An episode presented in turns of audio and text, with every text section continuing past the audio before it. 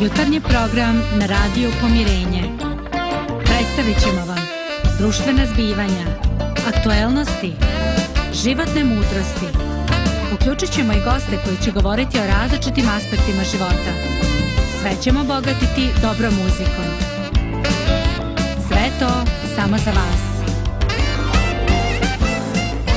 Jutarnji program.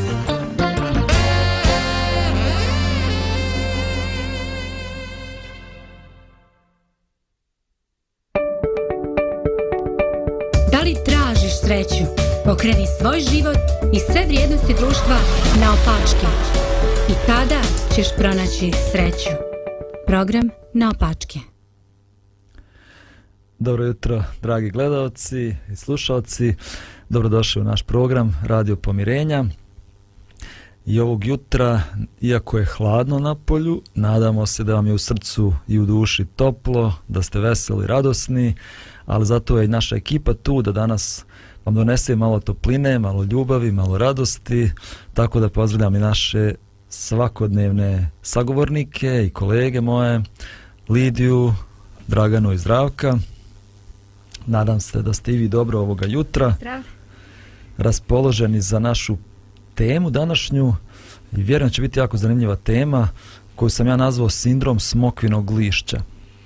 Uh, svi smo stvoreni za otvorene, iskrene odnose sa drugim ljudima, ali nekako mi više volimo da se sakrivamo iza smokvinog lišća. Pa danas ćemo govoriti malo o tome zašto je to tako, zašto se sakrivamo.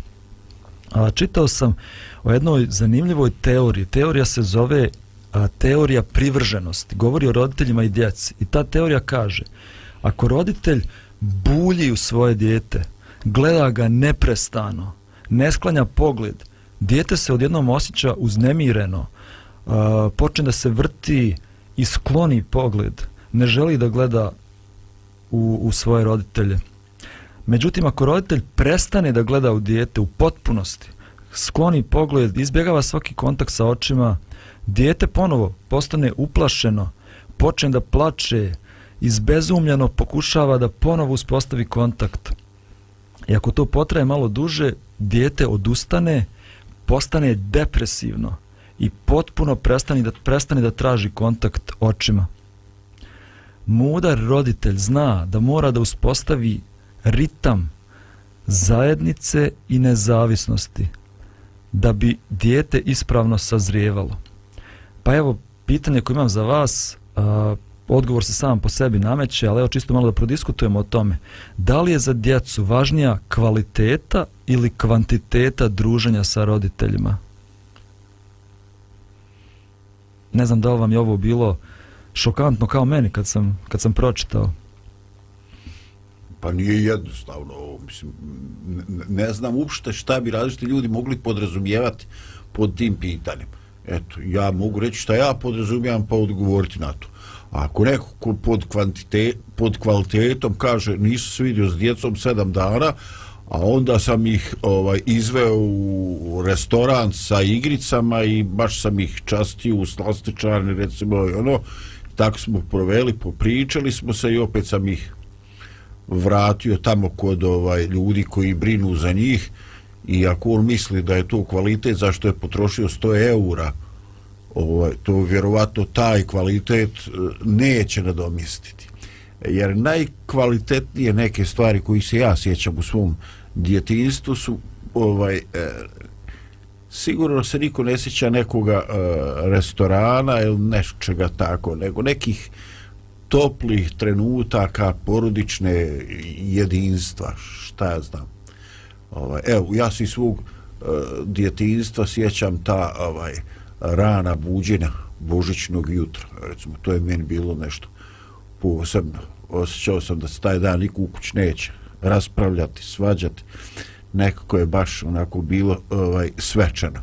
A de, detalji koji se sjećam iz družina sa djedom i bakom su znači nikakve riječi, nikakva dijela, nego neki, neki događaj, neka jutra, neke večeri, neki, neki nepatvoreni život u prirodi i na selu i tako. E, predivne stvari, okruženošću, ljubavlju i, i e, zaštićenosti. Tako da mi je, mislim, teško bi odgovoriti na to, jer ne znam šta bi ljudi pod tim mogli podrazumijevati. Da, ja sam sad malo zastala ovaj, na početku, ovaj, ali zato što ta kvalitet, uh, smatram da jedno i drugo su bitno za, za bilo kakav odnos između dva ljudska bića, znači da li je to bilo roditelji ili dijete, sad govorimo o tome, je sad kvalitet između tog odnosa između, između roditelja i djeteta nije to samo kvalitet uh, čak i dobre stvari mogu biti e, pogrešne ako ih je previše, ako nisu umjerene, mislim na neki način. Ne, ne mislim onako da su hladno kontrolisane kao što će možda neki pomisliti, nego jednostavno uh, ima, ima roditelje koji se previše nekako brinu za djecu, pa žele da ih zaštite, onda učine neku štetu i onda ta djeca postaju ono, ne shvataju kakva je realnost života, treba nekad i dijete da osjeti neku vrstu boli koju u tom trenutku može da podnese, znaš. E sad, kvalitet je neka nešto, nešto uh, što ima znači u sebi svašta, znači nije samo ono biću divan i, što, što ima dobre prema, efekt. prema tebi, da, nego jednostavno da, ima dobre rezultate. Uh mhm. -huh. Dobro, ali evo ja ću vas možda iznenaditi ako vam kažem da naučnici govore psiholozi koji su to istraživali da je mnogo, mnogo važnije kvalitetno vrijeme koje sprovodiš sa djecom nego kvantitativno vrijeme. Mnogo je važnije da imaš jedno vrijeme u toku dana koje kvalitetno provedeš sa svojom djecom nego da cijeli dan provedeš sa svojom djecom, da ih nadgledaš uh, i da tvoj pogled stalno je na njima i da želiš svo vrijeme da provedeš sa njima. Uh, ne samo da je to važno, nego psiholozi kažu da dijete neće doživjeti jedan puni emocionalni razvoj ako nema ritma nezavisnosti i zajednice.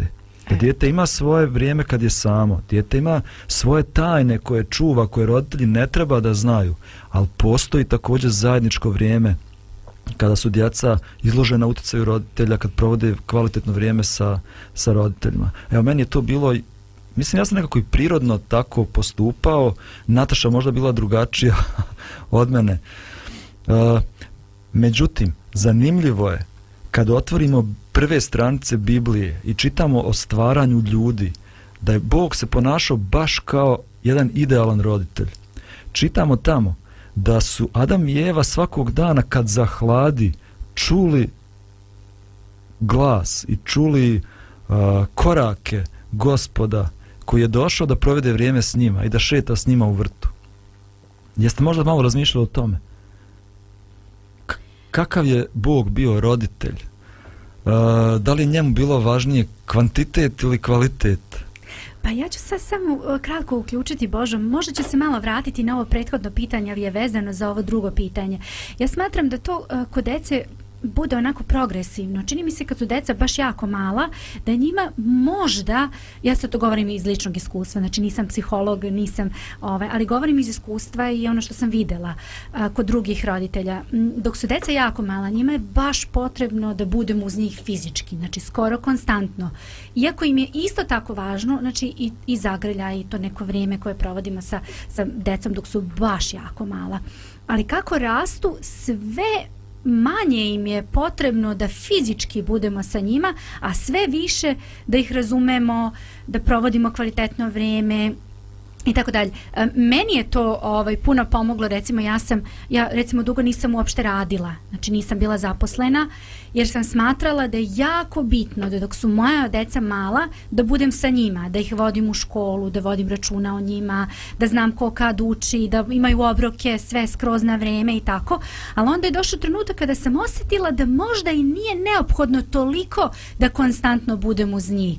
Um, meni je možda malo više vremena trebalo zato što sam ja inače um, preterano brižna majka i ja tu lekciju učim i, dan danas, ali, ali vidim da recimo, evo sad govorimo o odnosu mojih roditelja i mene, znači a, meni su i jako, jako važni roditelji, znači odnos između njih i mene je mnogo, mnogo bitan da to funkcioniše sve kako treba, ali a, roditelji su mi sad najviše potrebni kad mi treba neki save, da me saslušaju i tako u tom nekom smislu, znači oni meni zato trebaju, sve ostalo radim, funkcionišem, znači mislim da to s vremenom ide, tako Tako da i u tom odnosu koji je Bog imao sa prvim ljudima, to je taj neki odnos a, zrele osobe koja funkcioniše, radi, ali to posebno vreme je nešto što se stvarno pamti, što je stvarno onako baš, baš posebno.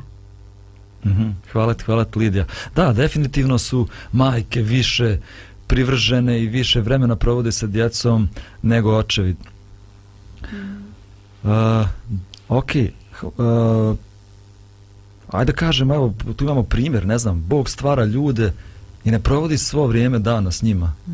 nego ih pušta i dolazi samo kad zahladi da šeta s njima i da provede vrijeme s njima. Ne nameće se. Šta mislite vi o tome? Dragana, zdravko, kako da vam se to sviđa ili mislite da bi trebalo da bude drugačije?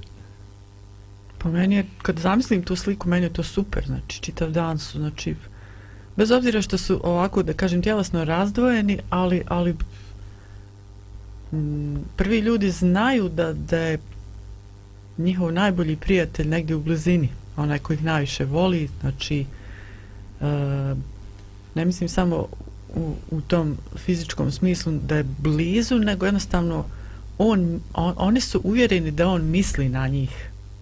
Jednostavno to, to daje neku sigurnost, makar i u podsvijesti, ne moraš svjesno o tome razmišljati, nego imaš to negdje u sebi i to, to te ispunjava, znači, to te, to te još više povezuje s tom osobom. Da. Super, super. A ako neko bit nije tu, tu uopšte nije strašno ako znaš da će doći. A šta ako ne znaš da će doći, pa ono iščekuješ, pa iščekuješ, pa iščekuješ, pa se sumnja uvuče, a? O tome sam sad pričala. Znači, ovi da. prvi ljudi nisu imali nikakvu sumnju. U... Da, oni nisu imali nikakav strah, nikakvu sumnju. Uh, razmišljam o tome, svak, sve ostalo su radili sa radošću, uživali jedno u drugome, uživali u poslu mm. koji su radili, zato što su imali tu sigurnost da onaj ko je bitan, on će, on će doći. Jeste, i to vrijeme će provesti s njim. Ali nisu provodili čitav dan sa Bogom, niti su šetali čitav dan sa Bogom, niti on želi da se to, to dešava. Već je želio da oni provedu jedno nezavisno vrijeme, da svaki dan uživaju u sebi, da uživaju u toj prirodi koju on stvorio, da uživaju u tom radu, a onda kad zahladi, kad se oni već umore i zadovolje svega toga, onda je Bog dolazio da razgovara s njima i da, da šeta s njima u vrtu. Nisu bilo obsednuti razmišljanjem o, o Bogu, nego jednostavno, znaš, bili su svjesni toga, ali su, što kažeš, bavili se raznim stvarima, znači. Ok, možda slika i za nas danas, religiozne ljude. Jedno vrijeme u toku dana provedem sa Bogom, ali onda radim sve ostale stvari, uživam u životu, bavim se mnogim stvarima, jer ali opet imam tu sigurnost da sam povezan sa osobom koja me bezuslovno voli. Dobro, evo malo smo odužili u ovom našem prvom segmentu, hajde malo da zapjevamo, pa ćemo da nastavimo priču o smokvinom lišću. širu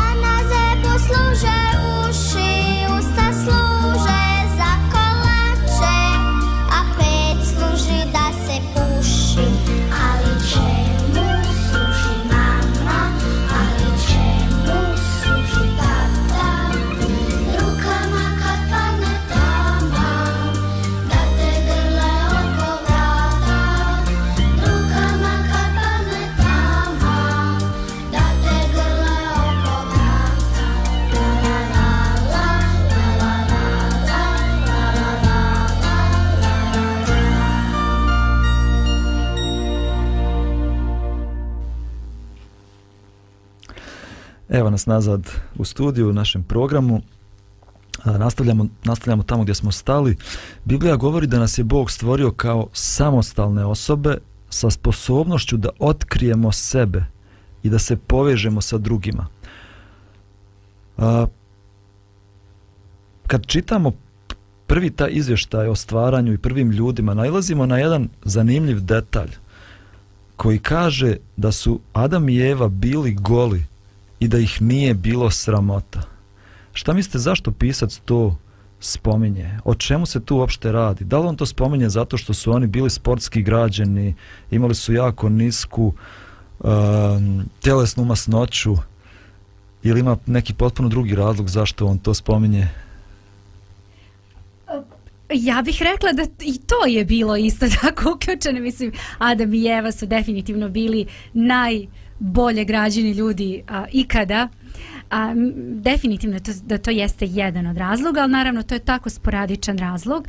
Um, znači, definitivno se tu radi o, um, o tom nekom odnosu potpunog, uh, otkrivenog, uh, otkrivene te mogućnosti da mogu da iskomuniciraju jedno sa drugim. Znači nije bilo nikakvih um, razloga da sakriju nešto jedno od drugoga, da ne mogu da iskomuniciraju, da prećute nešto. Zašto bi? Zašto bi? Znači, mi ne možemo ni zamisliti taj savršeni svijet, zato što ne živimo u savršenom svijetu, ali eto možda možemo neki, neke ideje da da onako imamo u svojoj glavi kako je to sve funkcionisalo. Znači, ogoljenost potpuna, gde nema straha, ne moraš razmišljati šta će sad ta druga osoba da kaže, hoće li ona to razumeti na ispravan način, ne, jednostavno kažeš i to je to.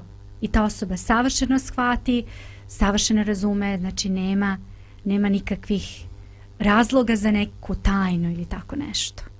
Mm -hmm. Hvala ti Lidija. Zdravko, Dragana.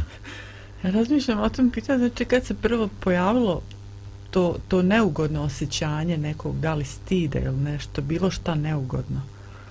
Ovo je bilo, znači, normalno. Ha. Zašto? Zašto je bilo normalno? Nemam pojma, valjda. Zato što je bilo to najnormalnije. Možda ja treba postaviti pitanje, ono, zašto je to bilo normalno su gol, to je, ono, nema ni objašnjenja, ni razloga, to je jednostavno postoji. Ali, Znaš, ono... Da. Svi smo goli dok se ne obučamo. Kako? to je nakladno stanje. da, to je tačno. Ali zašto, da, Lidija malo već govorila o tome, zašto napisac govori o tome da su bili goli i nije bilo sramota? Pa nije Lidija rekla, stvar, nije bilo nije stida, nije da. bilo ničega što su skrivali jedno od drugo, nije bilo nikakvih tajni između njih, mogli su slobodno da komuniciraju. Da. Pa dobro, šta ajde što nisu imali problema jedno pred drugim. Pa nije mi to ni neku veliko čudo. Ali oni su izlazili pred Boga u, tu, u taj susret, u tu šetnju. U istom stanju nisu osjećali problem. Dakle, e, ništa u njihovom mentalnom sklopu ovaj, e, jer nas golotina u ovom vremenu asocira na seksualnost. Znači, ništa nije bilo što ih je e, upozoravalo, što ih je na neki način uzbunjivalo i što je e, bio neki signal na nešto što je e, moralno ili na bilo koji drugi način neprihvatljiv. Znači, oni su imali jednostavno čisto srce i čisto pobu, pobude i samim tim nije bilo ništa što bi bilo potrebno sakriti. Dakle, čini mi se da je to mnogo važnije nego što nisu imali pištolje ove masna tkiva po bokovima, ovaj, da je to ključno. Znači, nema bukvalno ništa, ništa da krijem, ta neka, neka otkrivenost. A, o, mislim da ima malo problema i u ovome, eh, ovome izrazu i nije i bio stid. Mi ponovo živimo u vremenu u kojim ljude nije stid, ali razlog je posve eh, različit. Oni nisu imali stid zato što nije bilo ništa konfliktno. A danas ljudi nemaju stida zato što, što, što smo stoka, razumiješ? Znači, ovaj, mi nemamo stida pored mnoštva razloga za stid. I upravo čini se ovaj, da, Uh, da je temelj nekoga ljudskog dostojanstva da postoje neke stvari koje, brat, treba da se zacrveniš, da se zastidiš. Tako da, ovaj, mislim da je taj izraz e, težak razumjeti kad se, transpo, kad se uh, prenese iz jednog vremena, iz tih nekih rajskih uslova u današnje vrijeme. Dakle, da tu baš onako dolazimo do jedne situacije koja je potencijalno konfuzna. Uh -huh. Mark Twain je kaz, pisao je da je čovjek jedina životinja koja crveni ili bi trebalo da crveni. To što ti govoriš. Mi Treba. danas, mi danas više ne crvenimo a trebalo bi trebalo bi da crvenimo. Da. ali Adam i Eva nisu imali nikakvog razloga da crvene. A, ja mislim da ovdje pisac govori o nekim najdubljim čežnjama ljudske duše da znaš i da te poznaju. Kad gledate neko malo dijete ono nešto radi kolut naprijed kolu nazad, kolut nazad. Ono to radi i onda kaže gledaj me gledaj me. Ono želi da, da ga znaš da bude poznato. Ali što starimo nekako to slabi ta naša želja. Kad počnemo se zabavljamo ne kažemo djevojci e gledaj sve u meni nego nekako imamo selektivno selektivno želimo da gleda. Da gleda malo više one dobre stvari u nama a ono one Priprema loše za izlaz, kao za dejt, a? one loše stvari ćemo malo da prećutimo mi uh, skrivamo one loše strane naše karaktera. Adam i Eva nisu imali ništa da skrivaju. Oni su znali jedno drugo u potpunosti i nije bilo nikakav stid nisu imali nikakvu sramotu zbog toga. Uživali su jedno u drugome znali su jedno drugo do svoje srži.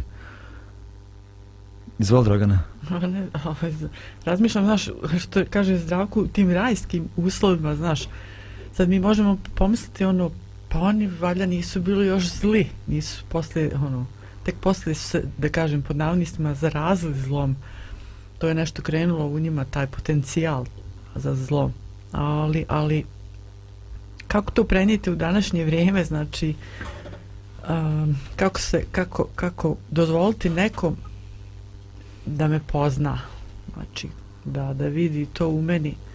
Do duše i danas u ovim uslovima ne možemo ovaj, baš se otvorati svima a ni sami sebe ne poznajemo tako da nas jedino onaj ko je stvorio čovjeka on nas najbolje pozna i njemu se i trebamo potpuno otvoriti Mhm. Da, zanimljivo je i to, sad ti si baš načela tu temu, uh, kako se otvoriti da me neko pozna. Kad biblijski pisci govore o seksualnim odnosima, oni ih nazivaju poznati nekoga ili znati nekoga. Šta mislite, zašto je to tako? Zašto oni koriste taj izraz? Šta to sve podrazumijeva? Pa ja uvijek imam onaj, onaj koncept e, znati o nečemu ili znati znati nekoga. Znači, ovaj, eto, ja zamislim jednog, jednoga ovaj programera, čovjeka koji radi sa kodova kompjuterskim. I, ovaj, I onda, e, pošto nema puno vremena, onda on dobije vrhunski tamo medicinski ovaj e, priručnik o tome šta se sve e, Eh, dešava s ljudima kad su intimni, kad se tjelesno približavaju jednim drugima. I on to do perfekcije nauči, čovjek programer, čovjek analitičan maksimalno. Ovaj, I onda njegova mama kaže, jo, on je tu ekspert. Onda komšinica kaže, pa čekaj, se on imao kad cure, ili se on kad zaljubio? Pa sad ne znam ovo, ali ekspert je u teoriji. Šta bi rekla, ovaj, mi rekli?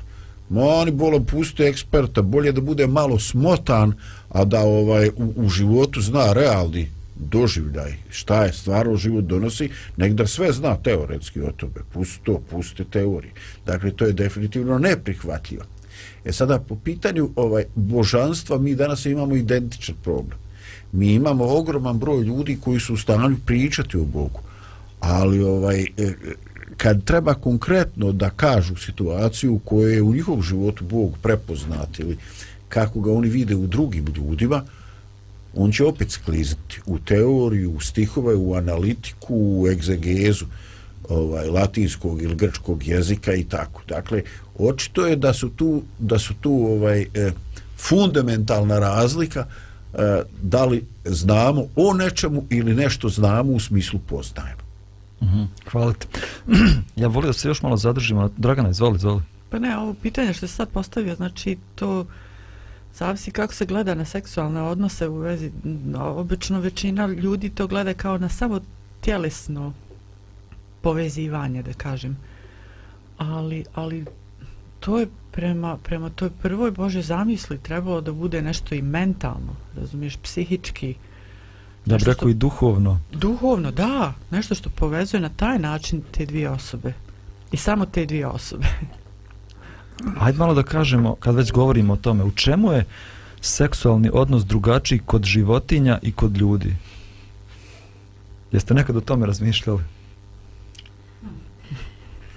Pa u čemu je razlika? E, ja mislim da s obzirom na, na pojavu greha i na sve ostalo što je došlo sa, sa grehom na posled, posledice koje su došle da je to mnogo što šta promenilo ali ako mi sad iz ove perspektive gledamo i posmatramo nas je Bog stvorio kao razumna bića znači kao bića koje donose svesno odluke um, a životinje nemaju tu mogućnost, znači ne donose svesno, ne komuniciraju, da one komuniciraju i one donose odluke neke, ali ne na, na nivou kao što to mi ljudi činimo i radimo. Tako da ja mislim da je a, i kada su u pitanju seksualni odnosi, znači situacija je vrlo slična. A, njima je a, u, ajde kažemo, 99% slučajeva seks služi da bi se potomstvo moglo produžiti Znači, to je osnovna svrha. I često kod životinja, znači, taj seksualni nalog, e, nagon e, se pojavi onda kada kada e, bi trebalo, znači znamo tad u tom i tom mesecu dešava se to i to kod te i te životinje. Kod nas ljudi je situacija sasvim drugačija. Znači to je, to je neko posebno povezivanje sa bračnim drugom i samo u bračnoj zajednici može da se doživi na jedan poseban način na kojim se je nemoguće. Ja sam čitala skoro, um, baš je jedan uh, pisac o tome nešto pisao i onda on kaže uh, koliko je bitno, znači, kada recimo, uh, uh koliko je bitno recimo kada uživaš tako u, u seksualnim odnosima sa partnerom, rekla bih suprugom, jako je bitna ta ta zajednica, znači nije ti bitan, bitan samo taj čin, samo trenutak, nego i posle toga, vi ste tu zajedno. Mm -hmm Znači vi posle možete da pričate o bilo kojoj drugoj temi. Ne morate uopšte da pričate, možete zaspati. Sve je okej, okay. znači sve je dozvoljeno, sve je dobro, sve je okej okay, ako se vas dvoje osjećate dobro u tome. I, nije i sam, bilo sram. I nije, da, i nije bilo sram, tako je. Evo vidi sad ovo, smiješ i zaspat posle toga. Eto, ovo je, da i ja nešto naučim. Možda da kažemo, evo, da ide ajde da kažemo prvo o tom fizičkom aktu. Zašto je različit kod ljudi i kod životinja? Evo, životinje znači e, imaju seksualne odnose samo jedan put godišnje, dok Uglavnom, ljudi to i rade u toku cijele godine. Uh, život, ljudi jedini gledaju jedno drugo oči u oči. Mm. Životinje ne gledaju jedno drugo u oči u oči. Ne znam se to o tome razmišljaju. Čisto fizički yes. drugačije. Yes. A naravno, i u, i u emocionalnom i u duhovnom smislu to je nešto potpuno drugačije. Bo, u Bibliji tamo je Bog rekao kad je stvorio ljude bit će dvoje jedno tijelo. Ne, ja mislim ne samo fizički, nego i emotivno i duhovno. Kada u seksualnom odnosu žena govori svog, svom mužu ja ti dopuštam da uđeš u cijeli moj život. Ja sam potpuno otvorena pred tobom. Ja nemam nikakvih tajni pred tobom. I ono što ja jesam, ja imam povjerenja da ćeš ti da me zaštitiš i da me voliš. A muž također govori, ja ulazim u tvoj život, ali želim da imaš potpunu sigurnost da ću uvijek biti uz tebe, da ću te zaštititi. Ja nemam pred tobom nikakvih tajni. I to je jedan mističan, magičan trenutak vremena koji može se dogodi samo u odnosu muža i žene. A, nešto mnogo, mnogo, mnogo više nego samo fizički akt. Iako danas se mi ponašamo kao životinje i sveli smo seksualno odnose samo na fizički akt, ali Bog je zamislio to bude nešto, nešto mnogo više od toga. Ajde malo da zapjevamo, pa ćemo da govorimo onda stvarno o smokvinom lišću i šta se dogodilo što je poremetilo taj idealni odnos između čovjeka i žene.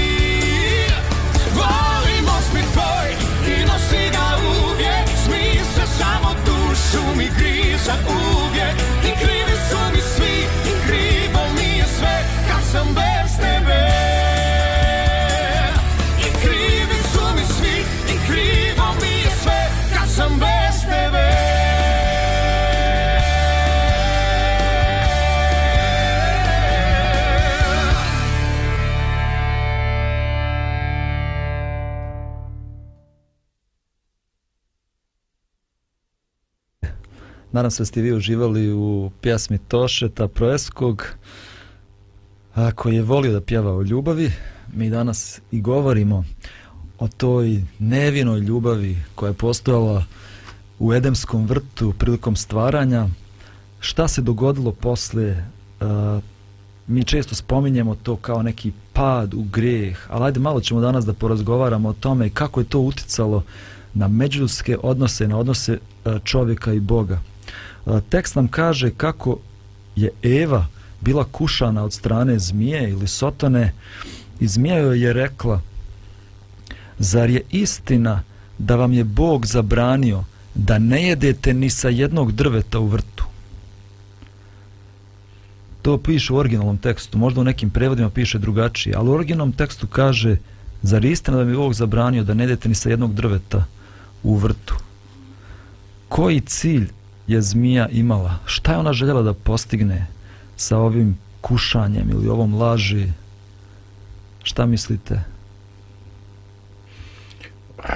Pa očito je da se ovdje radi o mehanizmu mentalnog absurda, znači sijanja, sijanja sumnje, postavljanju, postavljanju pitanja e, koje, za koje je čovjek potencijalno zainteresovan, a koje a, da bi obradio, procesuirao to pitanje, ti nesvjesno moraš da dovedeš ovaj, u pitanje autoritet Boži ili onoga ko ti je to rekao. Znači, Mhm. pitanje je nevjerovatnim e, kapacitetom manipulativnim. Baš je onako Želja da se darovan. baci sumnja Da, na Boga. Da, zato što Adam i Eva da to uopšte nisu razmišljali o nečemu drugačijem osim onoga što je Bog rekao da nešto jeste ili nešto nije. Znači ako je Bog to rekao, to je tako i onda jednostavno oni nisu nisu ovaj razmišljali da može da bude i nešto drugačije. A to drugačije je rekla bih najčešće ono što je suprotno, a to je nešto što je zaista zlo. I onda kad je on joj rekao, hm, on, ali, ali u suštini imam osjećaj kao da je on, a, ne, bit ću iskrena, znači poznajem osobe koje na sličan način, neću naravno reći koje, ali na sličan način funkcionišu kad postavljaju takva nekad pitanja ovaj, u, u razgovoru. I onda pitaju, ej, je li to istina, ali upre, toliko preuveliča da to zaista nije tako.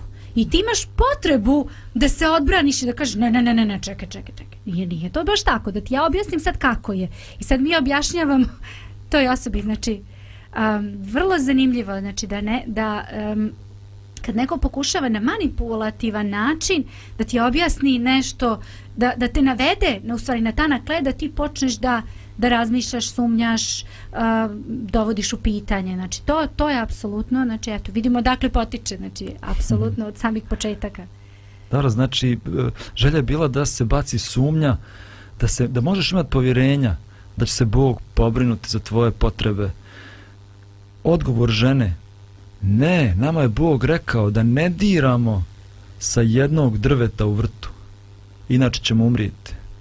Bog uopšte nije rekao da se ne smije dirati to drvo. Mm. Zašto ona kaže, Bog je rekao da ne diramo? Jeste razmišljali o tome? Pa ona sad suprotno želi, znači evo sad ja da nastavim dalje, znači ona suprotno, s obzirom da je on sad toliko preuveličao, jer on naravno, on je znao tačno šta je, kako je Bog rekao, ali on preuveličava, e sad ona kaže, ne, ne, ne, ne, ne, Bog je rekao da ne diramo. On, mislim, ono, malo smo, bojim se da smo malo zbunjujući. Da. On je rekao, ko on? Mislim, nisam siguran da, da, da, da nas slušalci razumiju. Pričamo o zmiju, o Bogu i ko je sad on? Ko je on? A, Lidija, tebi se ti mene obraćam. pita, aha, okej. A ja očekujem da ćeš sad ti da odgovoriš A ne, na moje. Da. Znači, Da. on, e, u pitanju je bila zmija, e, iza koje se naravno u, krio e, Sotona. Znači, Sotona definitivno. Tako da, um, to je to, znači, situacija je jasna. Dobro, ja ovdje primjećujem da zmija baca sumnju na Boga, a ovdje Eva malo slika Boga kao da je on malo strog, malo strožiji nego što jeste. Bog je rekao nemojte jesti s tog drveta, a ona kaže ne, Bog je rekao nemojte dirati. Bog je malo strožiji. Daje čak kao sebi neko malo opravdanje zašto bi mogla da bude neposlušna. Ja barem to tako vidim. I sad, ne možemo sad cijeli ovaj događaj da prepričavam, ali uglavnom vidimo šta se dešava. Eva jede sa tog ploda, daje svom mužu da jede i onda se nešto deš, desilo. Znači, ne, ne znamo tačno šta se dogodilo, uh, kako su se stvari promijenile, ali pisci Biblije nam to čak i ne opisuju sve, ali nam govore da odjednom su se njihove oči otvorile, što su oni i željeli da im se oči otvore, i onda ono što vide uopšte im više nije lijepo i nije im privlačno, nego to je jedan košmar. Gledaju jedno drugo i ne sviđa im se to što vide. Žele da se sakriju jedno od drugoga i tekst nam kaže da su uzeli smokvino lišće i pokrili svoju golotinju. Ranije su bili goli, nije bilo sramota, odjednom sad osjećaju stid. Više ne žele da budu otkriveni jedno pred drugom, pred drugim, ni pred Bogom, stavljaju smokvino lišće.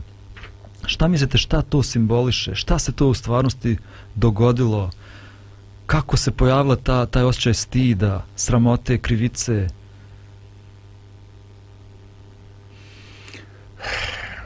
Bože dare. Ovaj, ja sam mislio da ja imam iskušenja da nekad stvari iskomplikujem, ali ovaj, očito je da neću zadržati taj ovaj monopol ovde u, u ovoj radijskoj ekipi. Ovaj, E, pa pogledaj, ti si spomenuo jednu ključnu stvar. Suština tog manipulativnog izazova je bila, ma nećete vi ubrijeti, nego će vam se otvoriti oči, pa ćete postati kao bogovi i znaćete šta je dobro, šta je zlo. Dakle, e, govori se o nekoj restrikciji, o nekoj zabrani i onda udar udarna informacija u toj u opisivanju te zabrane jeste vi ste limitirani. Znači vaš razvoj spoznaj je limitiran upravo sa tom drvetom, sa plodom drveta koje vam je zabranjeno. Vi treba da poznate e, dobro i zlo.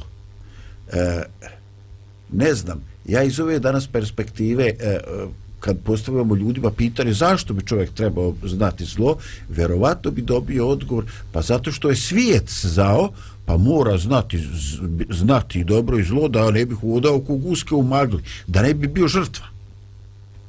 Ali u tom Božijem svijetu nije postojala potreba za znanjem zla, jer nije postojala opasnost.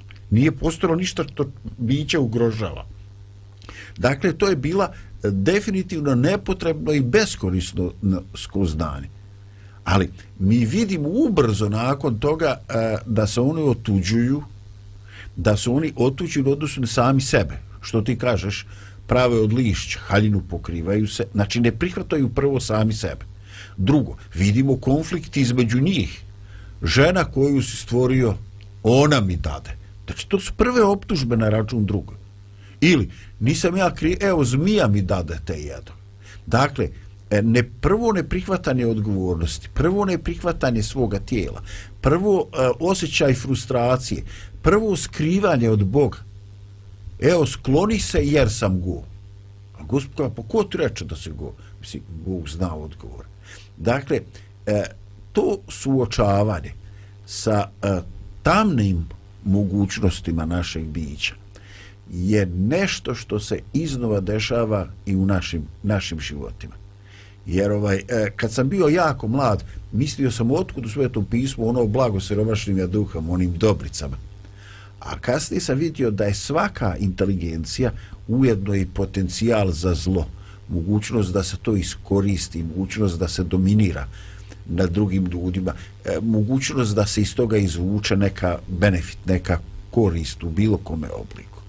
E, dakle, mi od jedan put dolazimo u jedan sasvim drugi svijet, gdje je potencijal, Boži dar, inteligencija, snaga, ljepota, sve postaje potencijalno destruktivna energija.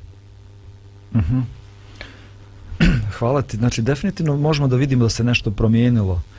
Možemo da vidimo da su ljudi prešli iz jednog stanja nevinosti, a, prihvatanja i sebe i drugoga, a, u stanje neprihvatanja sebe, u stanje skrivanja od drugoga, čak i skrivanja od Boga. E, postoji jedan, također jedna teorija koja se zove, ili jedan sindrom koji se zove a, fe, sindrom ili fenomen varalice. U psihologiji to označava ljude, a sad vi vidite da li se pronalazite u tom sindromu, ljude koji smatraju da u svojoj srži su loši, e, da sve, sve njihovi, sve što rade, ostvarenja, motivi, sve je loše.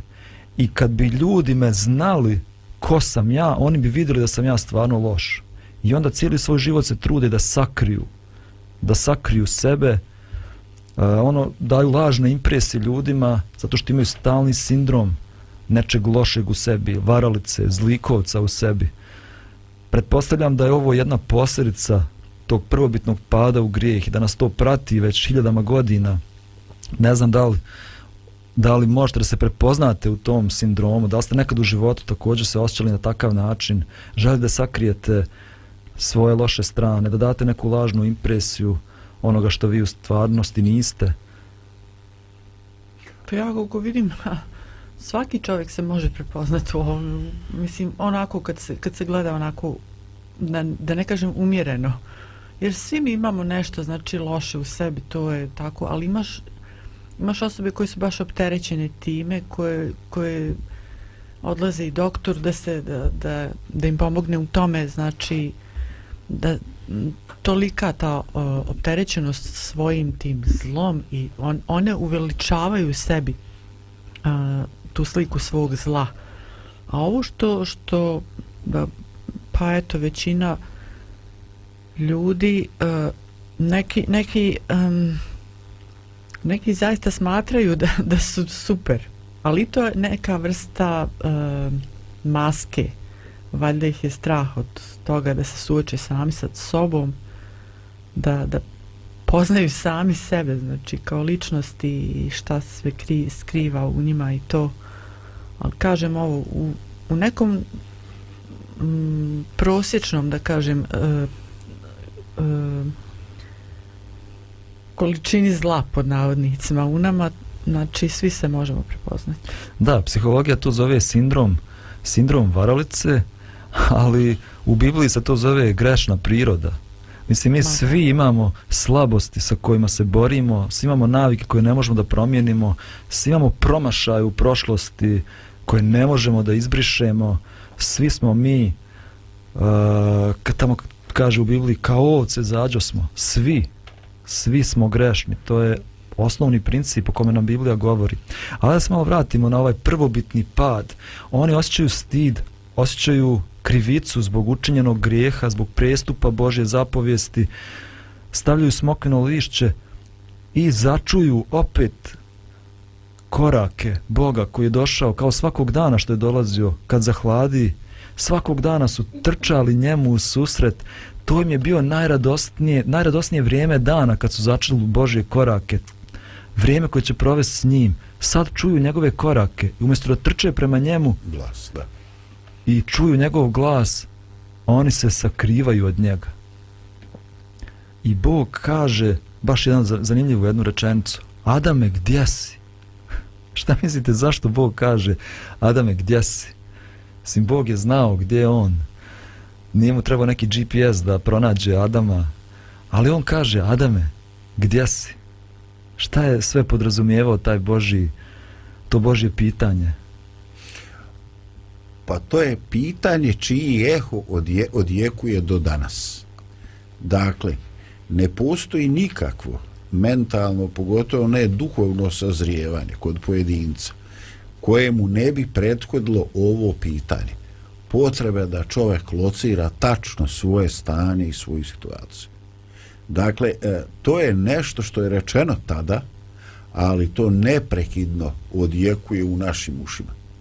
I mi ne samo da jednom, dva puta ili više puta u životu, nego povremeno postoji potreba našeg života da analiziramo ko smo, šta smo, dokle smo došli. I ponekad čovjek mora da se zapita šta je sa svim onim idealima koje smo imali u mladosti. Koliko je od onoga iskrenoga prijateljstva, dobre volje, ljubavi prema ljudima, prema prijateljima, šta je ostalo? U što smo se pretvorili? Jer pitanje gdje si je najmanje pitanje GPS-a i određivane lokacije. Ali na toj mentalnoj mapi, u toj udaljenosti od toga što je izvorno ljudsko božanstvo, gdje smo se, gdje smo, dokle smo došli, koliko smo se udaljili i približili, mislim da je to ključno pitanje za bilo kakvu promjenu ili reviziju u ljudskom životu. Dragocino, Prevodu- da, Izvini. u redu prevodu Bog mm, želi da utiče, kao što smo malo prije spomenuli Lidija što je spomenula, znači ono mal, manipulativno, znači kad ti neko iz zlih motiva uh, želi da, da iz tebe izvuče nešto, znači da, da, te, da pokaže da si i slabi, da ti to tako doživiš, a sad ovdje Bog suprotno govori, znači iz dobrih motiva želi prvo Adamu da se Adam sam pokaže da se on sam otvori, on ne želi njemu nasilu da, da ga pronađe pa da on nego Adam, jel shvataš da, da si ti sad malo slabiji, gdje se sad nalaziš? Ajde, ajde pokaži se ti meni sad. Mhm. Ja baš to vidim, ja baš to vidim u tekstu. Bog mu nije rekao, je dolazi ovam odmah e, zato što si prekršio moje zapovijesti, nego Bog mu upućuje poziv, Adame, gdje si? Daje mu mogućnost da se Adam otkrije. Da Adam kaže ko je on. Da Adam kaže šta se dogodilo. Ne prisiljava ga Bog da on to uradi. Ali ovako je blago mu daje, nježno mu daje mogućnost. Adame, gdje si? I Adam dolazi i kaže uplašio sam se. Pa sam se sakrio. Prvi put se strah spominje u Bibliji. Prvi put strah među ljudima. Strah se neki pojavio kod Adama. Bog mu kaže jeste jeli sa onog ploda od drveta što sam rekao da ne jedete. I Adam kaže kakav je njegov odgovor? Kaže žena koju si ti stvorio ona me nagovorila i ona mi dade da jedem. Na početku kazao je za nju kost od moje kosti. Sad više nije kost od njegove kosti, sad je ona žena koju si ti stvorio. Ona je kriva i vidimo ovde a, optuživanje, okrivljavanje nekog drugog, to se uvlači u međuljudske odnose. Dan danas u braku, mislim, s tim se suočavamo svi. Ti si kriv, nisam ja kriva. E, okrivljavanje, osuđivanje, e, poricanje i tako dalje. Evo, napravit ćemo još jednu malu pauzu, pa ćemo na kraju da pokušamo da kažemo zašto je Bog uopšte dao jednu ovakvu zapovijed da se ne jede sa ovog drveta. Jer da nije to dao, ljudi kažu, pa ne bi se nikad ni pojavio grijeh, ljudi ne bi nikad pogriješili. Šta je to u stvarnosti značilo? Evo, to ćemo na kraju malo da prodiskutujemo, pa ćemo završiti ovu našu priču za danas. Može jedna muzička numera, Lidija? Ra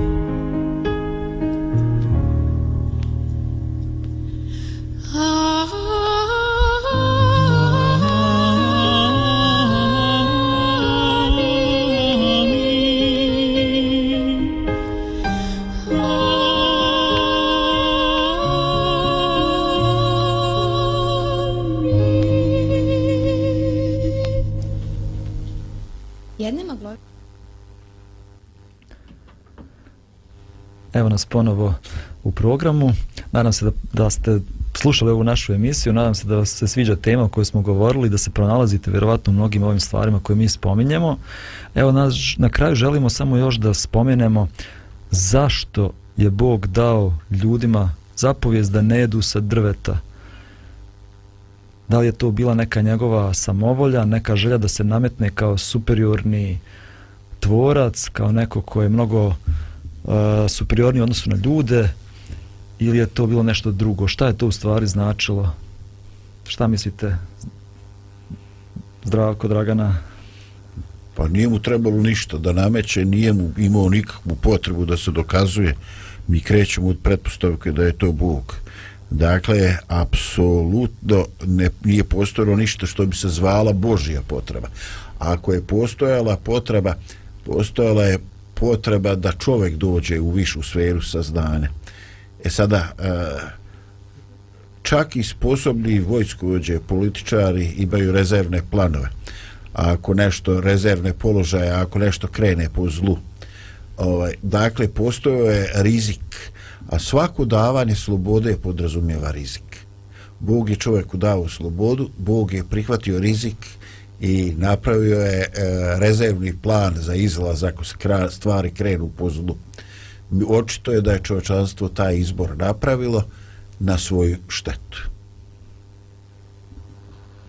Po samo ime drveta, znači poznanje dobra i zla, nešto, mene bar, um, govori kao da, da, da to bilo nešto što je Bog jednostavno stavio ispred njih. E sad, da, da ih malo izvježba možda u onom što dolazi, pošto je Sotana već bio prisutan tu, izbačen onako sa na ja, drugu planetu. Ja mislim da da je Bog u stvari dao ljudima slobodu, to je bila sloboda. Bog nikad ne prisiljava ljude, ne želi odnos prisile, već daje slobodu ljudima. Ako vi odlučite jednog dana da ne želite da živite sa mnom, ja vam dajem mogućnost. I to drvo poznanja dobra i zla bila je mogućnost ljudima da izaberu da ne žive sa Bogom. Nikakav zakon e, strogoće, već sloboda da izaberu A, svaki odnos se zasniva na slobodi, zasniva se na ljubavi. Volio bi da danas svi mi živimo, a, pokušamo da živimo tako da se barem nekome, najvoljeniju osobu u našem životu, otkrijemo. Da budemo ono što jesmo, da se ne skrivamo, da izgradimo takvo, takav odnos i takvo zajedništvo. A, vrijeme da završimo našu današnju emisiju. Drago što ste bili danas sa nama. Vidimo se sutra ponovo u 11 sati. Lijep pozdrav svim našim gledalcima i slušalcima.